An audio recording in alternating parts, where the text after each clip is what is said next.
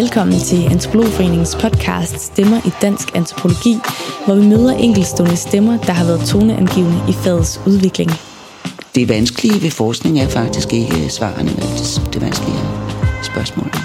Du lytter her til et afsnit af særserien Årgang 1948. I den her særserie hylder vi fem fremtrædende kvindelige antropologer, der alle er født i 1948. Hvis man vælger sådan et, en, en form for lærdom, som det her er, jamen så, bliver det, så vælger man en livsstil. Da vi opdagede, at de alle fyldte 70 i det forgangne år, blev vi nysgerrige efter at høre mere om deres lange arbejdsliv, og vi satte dem derfor stævne til en samtale om deres liv med antropologi. Og det mener jeg er en del af antropologien, det er det der med at søge udfordringer hele tiden for ikke at gro fast. I samtalerne vil du høre om, hvordan de fem kvinders relation til antropologi på vidt forskellige måder har taget form og udviklet sig i en sammensmeltning af personlige og faglige omstændigheder. De fortæller om nysgerrighed, hårdt arbejde og ikke mindst om de vendepunkter og tilfældigheder, der har defineret deres professionelle udvikling. I det her afsnit vil du møde Karen Fogh Olvi, professor i antropologi ved Københavns Universitet. Som akademiker for mig har det været vigtigt, at man kunne arbejde som, som en ildsjæl og ikke bare som en, en lønarbejder. Karen har i mange år arbejdet med Karibien som felt og har især beskæftiget sig med emner som migration, familieliv, køn og identitet. Karen er uddannet fra USA og fik sin mastergrad fra Minnesota University i 1972, hvor hun også forsvarede hendes PhD-afhandling Households, Exchange and Social Reproduction, The Development of a Caribbean Society i 1977. Den blev udarbejdet dels på baggrund af feltarbejde på St. Jan i Karibien, og dels på baggrund af arkivforskning i det danske Rigsarkiv. Karen har gennem sin karriere holdt etnografien i højsædet og bidraget med metoder og akademisk inspiration til at medtænke historiske og globale perspektiver i antropologiske arbejder. Vi møder Karen på hendes kontor på kvindernes kampdag den 8. marts 2019, lidt under et år efter hendes 70-års fødselsdag, hvor hun i øvrigt også kunne fejre noget i nærheden af et 50-års jubilæum med antropologien som fag. Vi starter helt fra starten. Øh, dit første møde med antropologi, og du valgte at tage til udlandet og studere. Mm-hmm. Hvorfor gjorde du det? Ja, altså allerførst kan jeg sige, at mit allerførste møde med antropologien, det var i gymnasiet øh, hvor jeg havde en geografilærer, Lennart Edelberg, som havde været på flere ekspeditioner i Mellemøsten, og havde sådan et stort, øh, var det nurisk telt i, i haven, som han, øh, som han arbejdede på og var meget optaget af materiel kultur. Øh, og og øh, det var sådan åbnet en helt ny verden for, for os. Øh, jeg, jeg gik på Rive øh, Katedralskole. Øh, så, så det, at, at, at han arbejdede med sådan nogle ting, det, det og fik os til at læse nogle bøger om området, blandt andet en bog om, om kvinder i Mellemøsten af Henny Harald Hansen, som bestemt også har været en grand old lady i antropologien i Danmark. Øhm, det, det synes jeg var meget, meget spændende. Så, så det var måske sådan min, min det, er, det, der betød, at jeg overhovedet vidste, at der var noget, der hed antropologi. Øh, for det var ikke almindeligt kendt dengang overhovedet. Øhm, men så tog jeg jo så til USA, det var fordi, jeg havde mødt min kommende mand, Ken, øhm, og efter gymnasiet var jeg jo ikke helt sikker på, hvad jeg egentlig øh, ville lave. Det tror jeg er, er karakteristisk for mange unge. Så jeg tænkte, jeg ville bare tage til USA. Og så tog jeg så derover, og øh, der skulle Ken begynde øh, på masterstudier i øh, Scandinavian Area Studies ved University of Minnesota. Øh, så jeg tog med derover Øhm, og enrollerede faktisk først i et kursus i engelsk, fordi jeg var ikke særlig god til engelsk. Jeg var gammelsproglig student, så jeg havde ikke haft engelsk i flere år. Men det var nu alligevel fornemt, så, så jeg fik lov til at skifte kursus, og så tænkte jeg, nu, nu vil jeg prøve antropologien.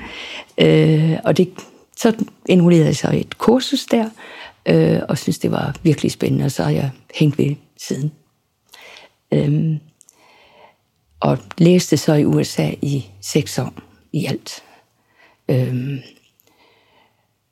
mm, altså i Minnesota, der, øh, hvor vi var noget af tiden i hvert fald, der boede vi i et kvarter, øh, som var ret tæt på universitetet, som var sådan blandet. Øhm, det var sådan et slumkvarter. Vi havde nogle venner, der ikke ville øh, stå ud af bilen, da, da de kørte hen for at besøge os. Så, så der næsten ud, men det var sådan set så mere nok. Det var sådan en blanding af indianere og sorte, og så hvide, og blandt de hvide var der mange studerende, fordi det netop var tæt på universitetet. Øhm, så jeg blev sådan smidt ud i antropologiland lige fra, fra starten der. Øhm, og det var igen sådan noget, som jeg var meget optaget af, de her mennesker, som, som omgav mig, og som var meget forskellige fra, hvad jeg, hvad jeg ellers kendte til, der hvor jeg kom fra. Så ikke bare det amerikanske samfund, men lige så meget, lige så meget de her mennesker, som, som vi boede sammen med i kvarteret. Og det har sådan set karakteriseret hele min antropolog, altså i hvert fald alle de år, jeg studerede i USA, hvor vi var i Minnesota nogle år, og så øh, senere havnede vi så i, i Washington i to år, hvor jeg fik min, min BA. Det var fordi Ken, min mand, var nødt til at blive militærnægter, fordi det var Vietnamkrigen, han blev indkaldt, og så lykkedes det ham at blive militærnægter, og det var han så i Washington. Og der øh, igen havde vi jo ikke nogen særlige penge, så der boede vi også i sådan et meget blandet kvarter, hvor en stor del af, af Washington er jo sort, og en stor del af byen, eller ikke en stor del, men visse dele af byen var blevet brændt af, efter Martin Luther King var blevet myrdet i 68. Så, øh, så øh, det var sådan meget anspændt på mange måder. Øh, men, men der boede vi så et kvarter, som igen var meget blandet sort, og her nu så latinamerikansk, og så hvide. Øh, så jeg har hele tiden øh, sådan været øh, optaget af det, der var rundt omkring mig, og, og inspireret af de mennesker, som, som øh, jeg levede sammen med. Øh, så det har ikke bare været sådan en akademisk interesse, det er lige så meget været sådan øh, personlig optagethed af, af den verden, som omgav mig. Da du kom øh, tilbage til Danmark, oplevede du en forskel på studielivet og forskningsmiljøet fra USA og så til Danmark? Ja, det er jo, det er jo meget forskelligt. Øh, antropologien er jo... Øh, altså studerende oplever man antropologien meget forskelligt. Øh, i USA og i Danmark. I USA, der har man jo stadigvæk det, man kalder four field approach, altså hvor man, hvor man ikke bare studerer øh, kulturantropologi, som man jo kalder det, men også arkeologi og lingvistik og fysisk antropologi. Og faktisk så ernærede jeg mig som phd studerende ved at være undervisningsassistent. Det er ret almindeligt i USA, at, at man arbejder på det på den måde. Øhm, og der blev jeg jo sat til at undervise blandt andet i fysisk antropologi. Øhm, øh, og det var, det var jo egentlig meget sjovt. Altså der kunne man jo se øhm, det er sådan gode ved at, at undervise noget, hvor der er sådan noget konkret, man kan tage fat på, ikke? Altså komme med sådan en række kranier af, af, af sådan menneske, forskellige mennesker på forskellige udviklingstrin og sige, nu skal I øh, diskutere, hvad det er for nogle, øh, nogle kranier, og sådan ordne dem øh, udviklingsmæssigt osv.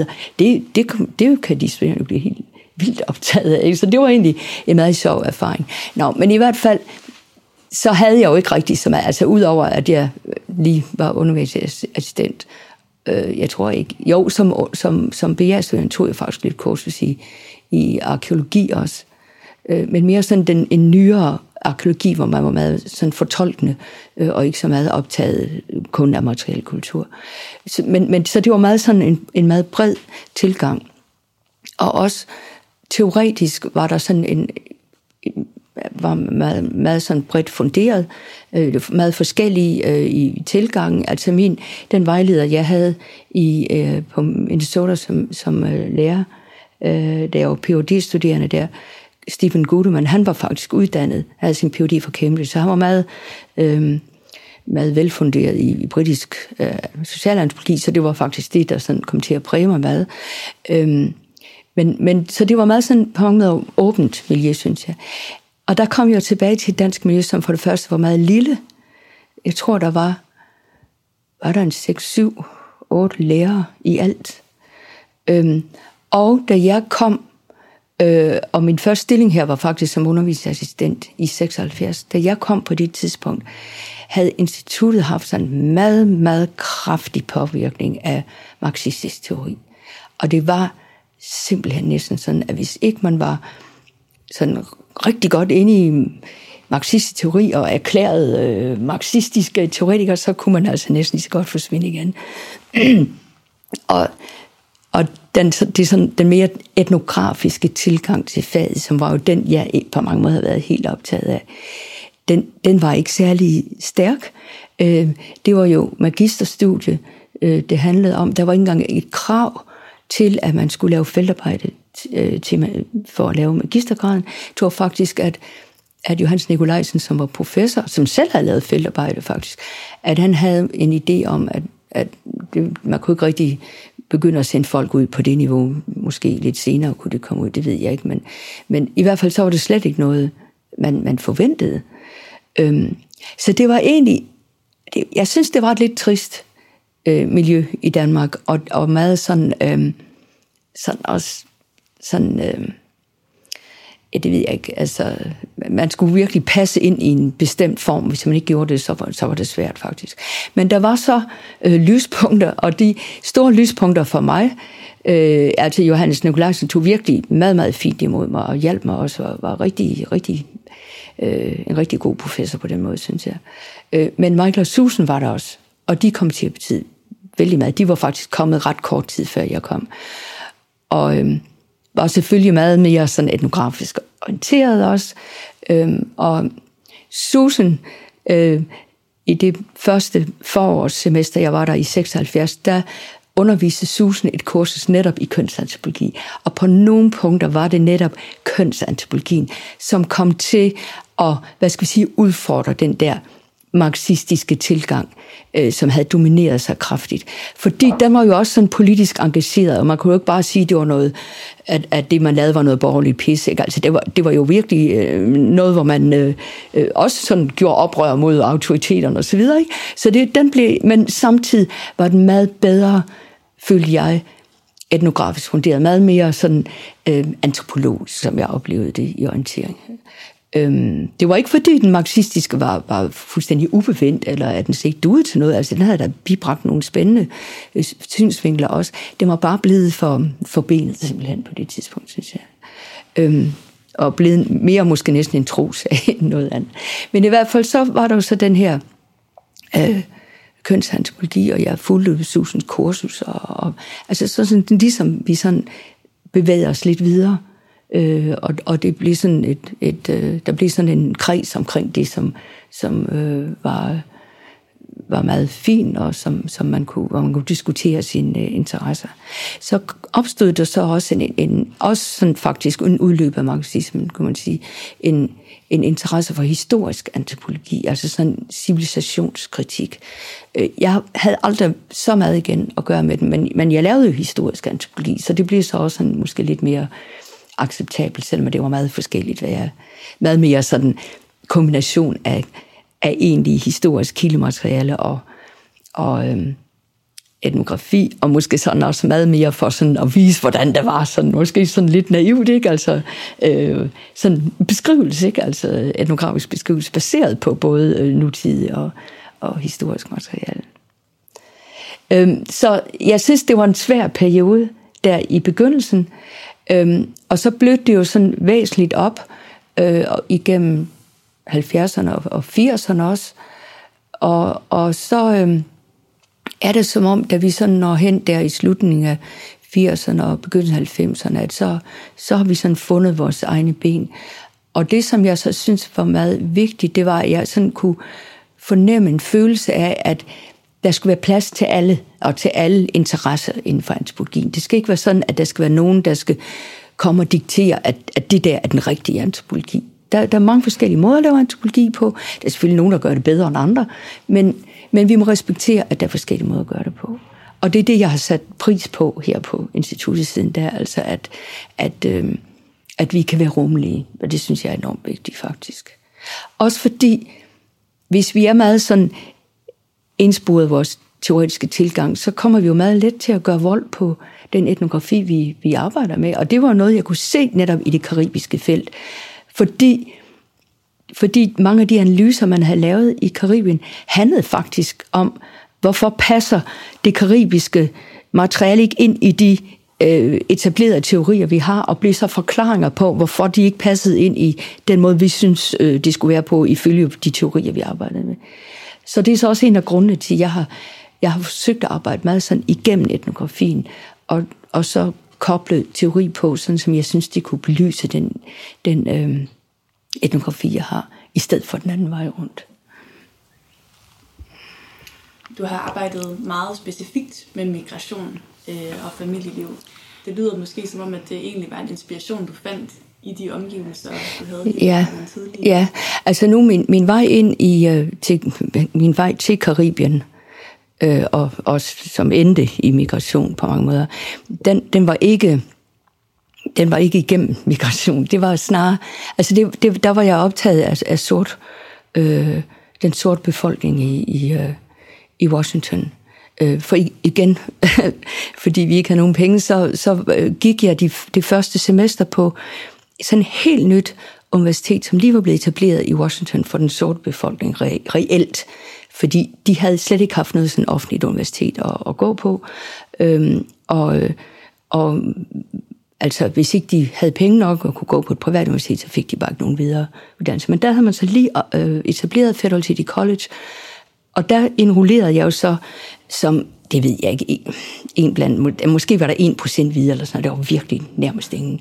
Men der blev så undervist nogle spændende kurser også i, i Latinamerika og så videre.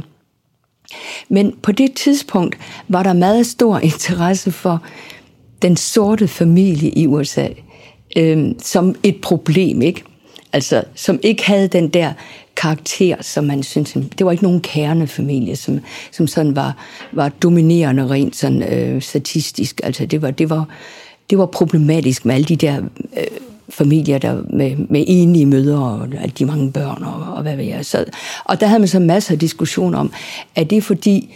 Øh, og, og det samme gjorde sig gældende faktisk i Karibien, at man havde samme debat dernede også.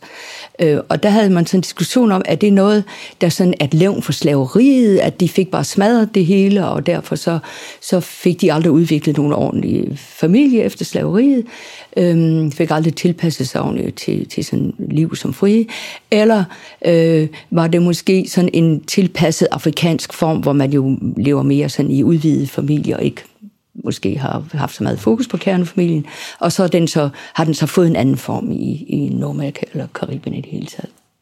Også. Og, og der var så kommet nogle nye studier også, som, som sagde, altså vi sidder med alle de her spekulationer over, hvad der er hvad, ikke? men men hvad med at se, der er faktisk masser af historiske dokumenter, eller hvad, hvad se, hvad, hvordan har de faktisk indrettet sig under slaveriet? Var det helt bare smadret, eller hvad, hvad var det for nogle familiesystemer, de udviklede? Og det blev jeg så faktisk lidt interesseret i, fordi jeg vidste, at vi i Danmark havde en del dokumenter fra Dansk Vestindien. Øhm, så jeg tog faktisk så til, til Danmark og, og undersøgte, hvad der i Rigsarkivet, og fandt så øhm, masser af, der var øh, bef, øh, kirkebøger, der var øh, øh, folketællinger, som gik faktisk tilbage til slaveperioden. De var nok ikke helt så let at bruge, men og så var der, som jeg brugte meget, retsdokumenter, hvor, hvor man, de der slaver blev trukket ind og blev for, forhørt i forbindelse med sådan ganske tit sådan små ting, en gris, der var blevet stjålet eller sådan et eller andet. Men der fortalte de jo, hvad de lavede den og den dag, øhm, som var grunden til, at det kunne ikke være dem, der havde stjålet grisen og sådan noget. Og alt det der udenom vidensbyrd, sagde jo en hel masse om, hvordan de levede, så jeg sådan kunne få noget liv på de her tal, som i sig selv ikke sagde så meget. Så faktisk min PhD fokuserede på udviklingen af, af øhm, øh, deres familiesystem øh, fra, sådan, hvad skal vi sige, fra slaveperioden, og så, og så lavede jeg jo feltarbejde øh, også på Sankt Jan, hvor det var, jeg, altså var den ø, jeg så på, øh, lavede feltarbejde der også, så jeg kunne faktisk sådan kigge på øh, udviklingen af, af den her familie, øh, øh, de her familierelationer øh, fra ja, slutningen af 1700-tallet, og så op til, til øh, 1970'erne, hvor jeg lavede mit feltarbejde. Øhm, hvordan har det været at, øh, at beskæftige sig med immigration og, øh, og flygtninge og familiesamføring osv. i de her år, hvor at der har været en større og større tilslutning til for eksempel Dansk Folkeparti her i Danmark, og mm. det samme i Sverige, Tyskland og ja. Amerika, som man hører mest om. Jo, altså det har, det har jo skabt et, et politisk klima, som har gjort, at, at det har været mere vanskeligt at, at, at, at udføre feltarbejdet. Øhm, fordi der har været øhm, sådan en generel fjendtlig, må man vel sige, samfundsmæssig debat, som, som har øh, vel betydet, at, at, at mange indvandrere og flygtninge ikke, ikke lige nødvendigvis synes, at det er så, så sjovt at, at, at skulle øh, diskutere deres, øh, øh, deres situation som, som indvandrer i, i Danmark, men måske helst bare vil være en del af samfundet og, og ikke øh, gøre et kæmpe nummer ud af hele tiden at skulle identificere sig som indvandrer og redegøre for, øh, hvordan de er som indvandrere. Øh, og der er et problem, som har gjort forskning vanskelig også, det er, at, at masser af undersøgelser har været survey-baseret, hvor man jo ringer til nogen tit, det jo foregår bare over telefonen meget tit, hvor, hvor så øh, man har en hel masse prædefinerede spørgsmål, man stiller, som ikke altid er lige sensitive heller, øh, men som jo i forvejen har, har sådan besluttet, hvad er det, der er vigtigt at spørge om. Øh, folk har ikke engang mulighed for at fortælle deres egen historie. Og det har altså givet sådan samfundsforskning et ret dårligt øh, rygte blandt øh, indvandrere, som man jo sådan set godt kan, kan forstå. Jeg var faktisk del af et, af et større projekt, hvor de havde en survey, var en del af det, og der havde man så fundet ud af, at man skulle øh, have det her survey øh, ringe til, jeg tror det var øh, 3-4-5 etniske grupper, og jeg kan huske en etnisk gruppe især, der var svarprocenten, det var så noget med 12-15, eller det var helt latterligt lav. Altså folk gad simpelthen ikke at, at, at stå model til det her. Øhm, og der er det klart, at, at vi prøver at arbejde på en helt anden måde, med meget mere sådan øhm, åben tilgang, hvor vi er interesseret i deres opfattelse, deres idéer og, og, og øh, altså ikke bare nøjes med et eller andet kort interview, men give folk mulighed for at fortælle deres historie og fortælle os om deres erfaringer. Øhm, men det er jo en helt anden tilgang. Øhm, og igen kan man jo sådan set godt forstå, hvis folk ikke altid har lyst til, at de igen nu er blevet identificeret som indvandrere, der skal studeres. Øh, og der kræver det mere, hvad skal vi sige, benarbejde og, og få etableret kontakter og få en, en god relation til folk.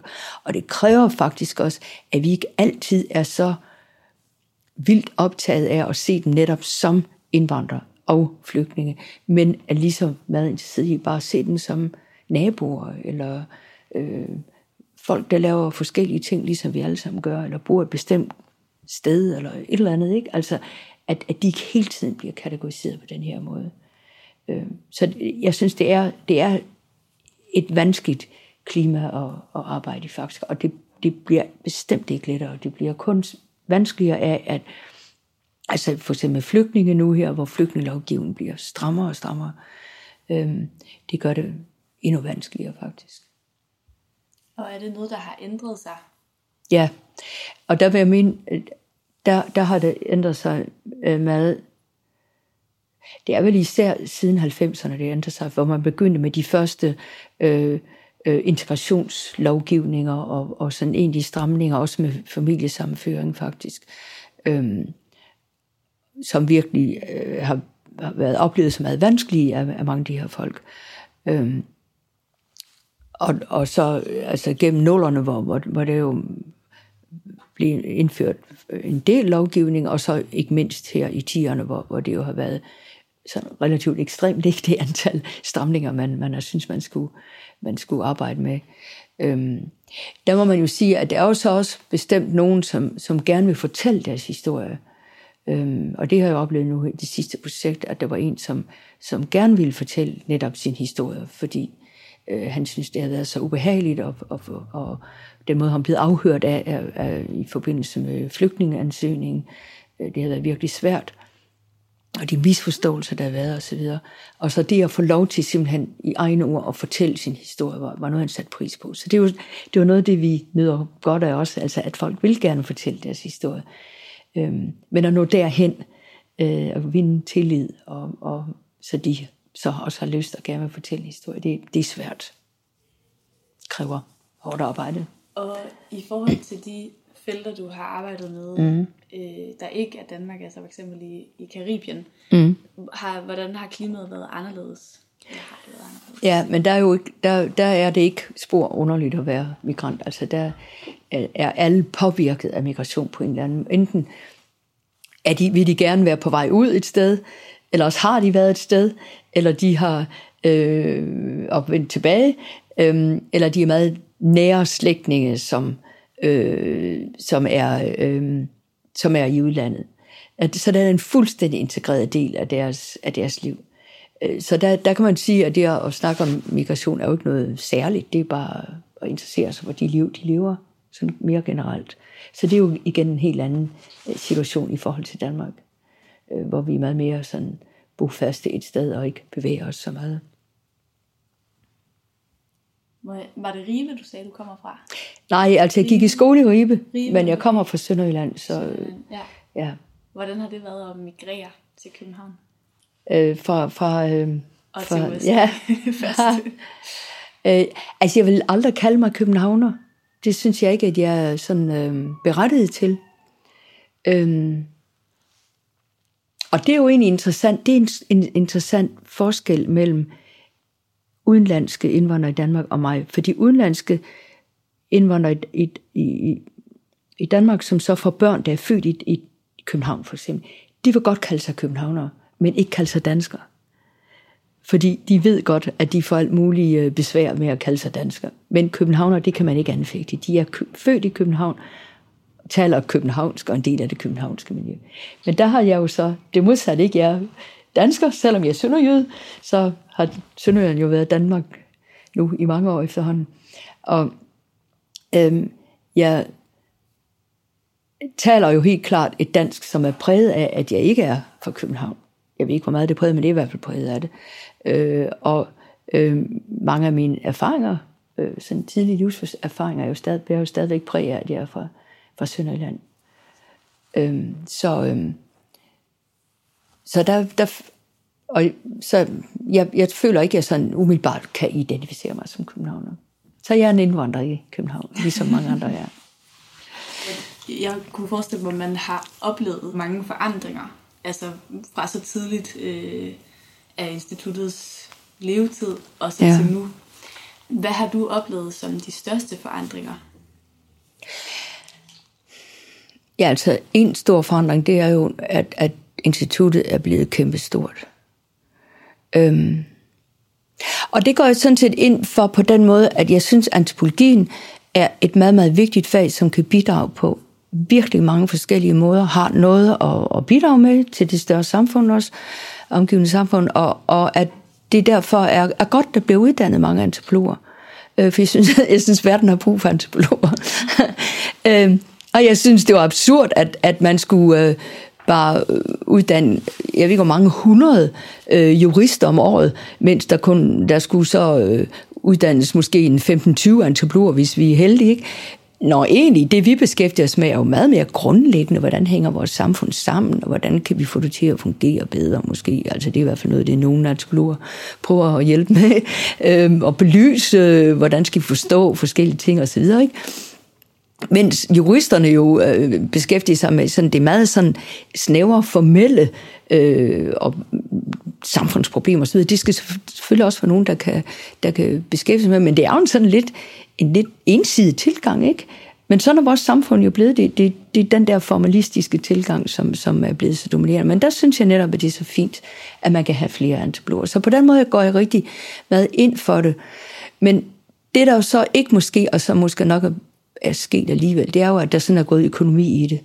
Altså, at det er jo kommet med til at handle om, at vi skal have øh, nogle penge i kassen, fordi, øh, og det får vi jo gennem vores ståproduktion, altså studenter, årsværk, øh, bestået eksamen osv. Øhm, og der kunne vi måske godt have haft lidt diskussion af, at hvad, hvad, hvad synes vi selv er en god idé? Øh, er det en god idé at have så mange studerende og, og så kæmpe et institut, som, som det jo sådan set opleves som. Øhm, og der, der må jeg da indrømme, at, at, at jeg for 20 år siden, der kendte jeg jo alle, der var ansat på instituttet. Hver eneste phd studerende vidste lige præcis, hvem de var. Og jeg var også selv ret engageret i phd uddannelsen også gennem forskerskolen, der så kom der sidst i 90'erne. Øhm, altså nu er jeg flov over at sige det, men, men jeg, kan, jeg, jeg kender ikke de fleste PhD'er. Og det føles også lidt mærkeligt. Det har selvfølgelig også noget at gøre med, at jeg har trukket mig sådan lidt tilbage, fordi jeg er gået på deltid og så videre. Men alligevel, jeg tror selv dem, der er på fuldtid, de, jeg tror ikke, de kender alle de phd studerende Og det er, jo, det er jo sådan en skam, egentlig ikke. Øh, men der må man jo nok bare kende, at det er et andet institut, og det er så stort, at det kan være svært at, at hit redde i. Øh, så det, så det, er jo, det er jo blevet meget stort, øh, må man sige.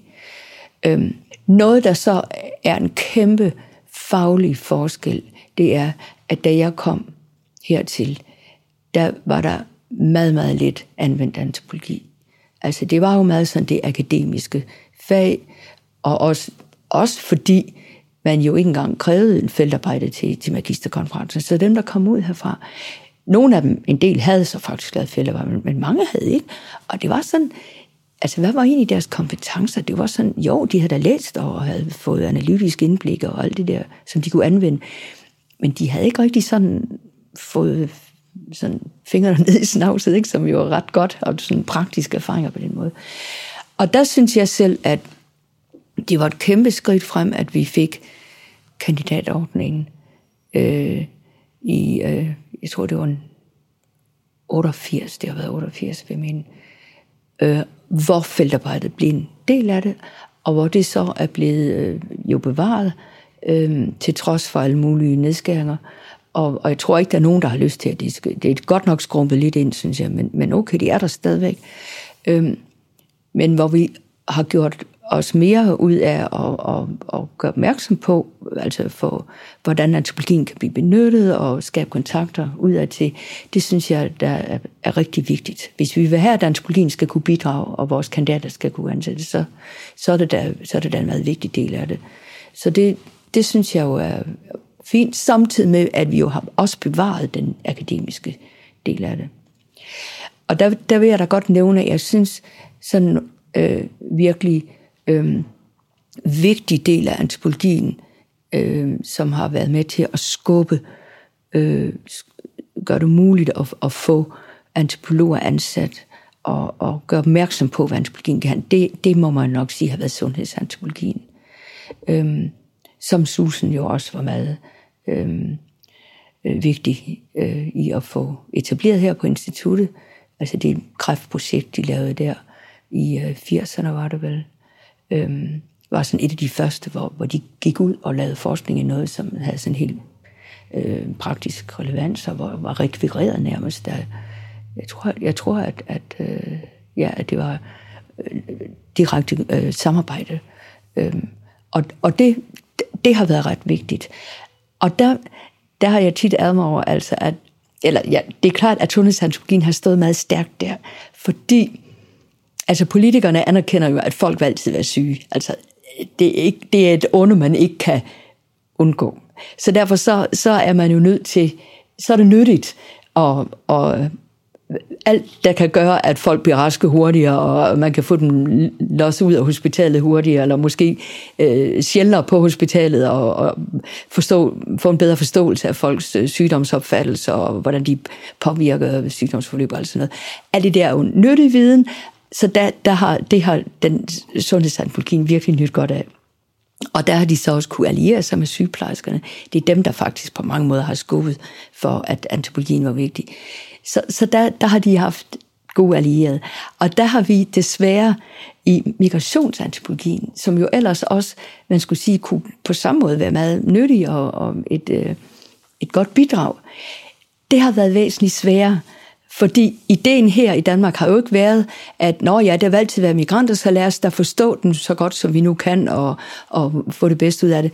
Øh, altså, ideologien har jo mere og mere været, nej, vi vil slet ikke have migranter, og, og de skal væk, og, og øh, vi kommer af med dem så hurtigt, som vi kan, og der er så nok nogen, der er her, men øh, det var da så også ærgerligt. Og, og, altså, øh, der har slet ikke været samme iver, synes jeg, efter sådan at få det, man kan kalde sådan uh, vidensbaseret øh, øh, politik øh, udviklet i forhold til, til migranter. Så vi har slet ikke, og, og vi har ikke haft de der samme, der skal vi sige, allierede, som, som sundhedsantropologien har haft. Ikke? Så på den måde, der synes jeg, at vi har så stået svagere faktisk. Altså dansk migrationsforskning har på mange måder sådan kørt fast i sådan nogle rutiner om statistiske analyser, der skal bevise, om migranter er mere eller mindre integreret. Øhm, og det er jo ikke særlig interessant i virkeligheden. Og der har vi jo også i antropologien været meget mere interesseret i at netop få en forståelse for, hvordan øh, de her mennesker, der er her, hvordan de ser deres liv, hvad det er for nogle ønsker og drømme, de har, og, og hvordan de opfatter det danske samfund, og altså øh, Øh, oplever deres situation. Altså igen med sådan den vej rundt, ligesom man jo egentlig har gjort med patienterne i sundhedsantropologi. Der er bare ikke så mange, der har været interesseret i det perspektiv inden for migrationsforskningen. Men så, så, så der har været en større åbning mod det danske samfund, men, men med meget forskellige øhm, betingelser, synes jeg, og muligheder for at, at udvikle faget i, i den retning. Hvilken fremtid ser du for antropologien i Danmark? Uha.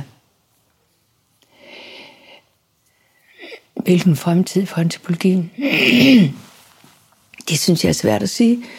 Øhm, den vil jo nok blive ved med at sådan orientere sig mod de nye muligheder, de nye, de nye, de udviklinger, der sker i samfundet. Altså det kan vi jo se, at de senere år, der er netop teknologi kommet frem som noget, som der er stor interesse for. Øh, Miljø har været her i mange år, man har fået en særlig aktualitet med klimaændringer.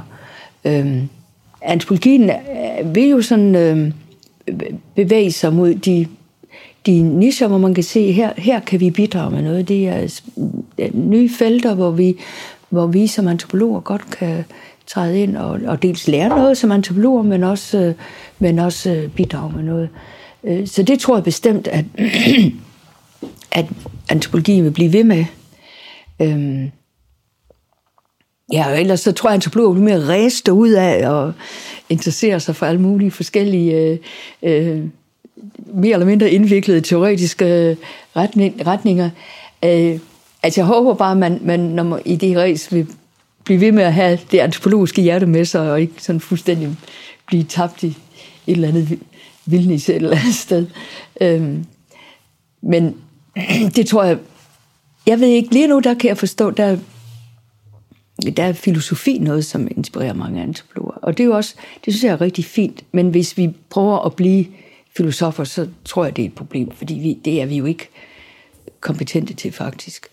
Øhm, og, og igen der skal vi finde en balance øh, mellem at selvfølgelig drage inspiration, hvor vi kan finde den, men, men øh, samtidig holde fast på det antropologiske. Hvad skal øh, den næste generation af antropologer huske at tage med sig Jamen, det er måske det, de netop skal tage med sig, at de skal... at, at de skal være antropologer først. og så kun derefter øh, alt muligt andet, hvad det nu ellers øh, kan være. Og hele tiden tænke på, hvordan, hvordan kan det her bidrage til antropologien? Øh, hvordan er det også en del af antropologien? Øh, altså være åben over for de muligheder, der, der kan være, og, og sådan set synes jeg også øh, have, holde fast i det etnografiske. Og der synes jeg egentlig også, det er interessant, hvis vi tænker tilbage på, hvad er det for nogle bøger i antropologi, vi gider at læse, så er det altså faktisk meget tit de meget sådan solide etnografier, ikke? Fordi mange, det, vi skal selvfølgelig også have mere teoretiske bøger, men de bliver jo, jeg skulle sige, dateret ret. Altså, øh, sådan historiske, historisk interesse ret tidligt. Ikke? Det er da klart, at de er rigtig, rigtig gode. Dem vender man så tilbage og, og genfortolker og diskuterer osv. Ikke? Men, men øh, de rigtig gode etnografiske analyser, de, de er jo tidløse næsten. Ikke? Så, så der synes jeg, at, at øh, det vil da også være mit råd. Hold endelig fast i det.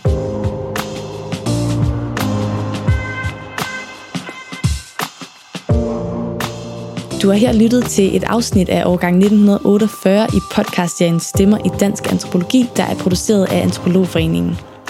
Husk, at du kan finde andre interviews fra årgang 1948-serien på vores podcastkanal, som er tilgængelig på foreningens hjemmeside, iTunes og SoundCloud. Er du ikke allerede medlem af Antropologforeningen, så kan du blive det i dag ved at tilmelde dig foreningen på vores hjemmeside. Den finder du på www.antropologforeningen.dk, hvor du desuden kan holde dig opdateret på vores events, happy hours og øvrige aktiviteter. Du kan også finde og like vores Facebook-side eller blive en del af foreningens netværk gennem Twitter og LinkedIn. Mit navn er Katrine, og på vegne af Antropologforeningen vil jeg gerne sige tak, fordi at du lyttede med.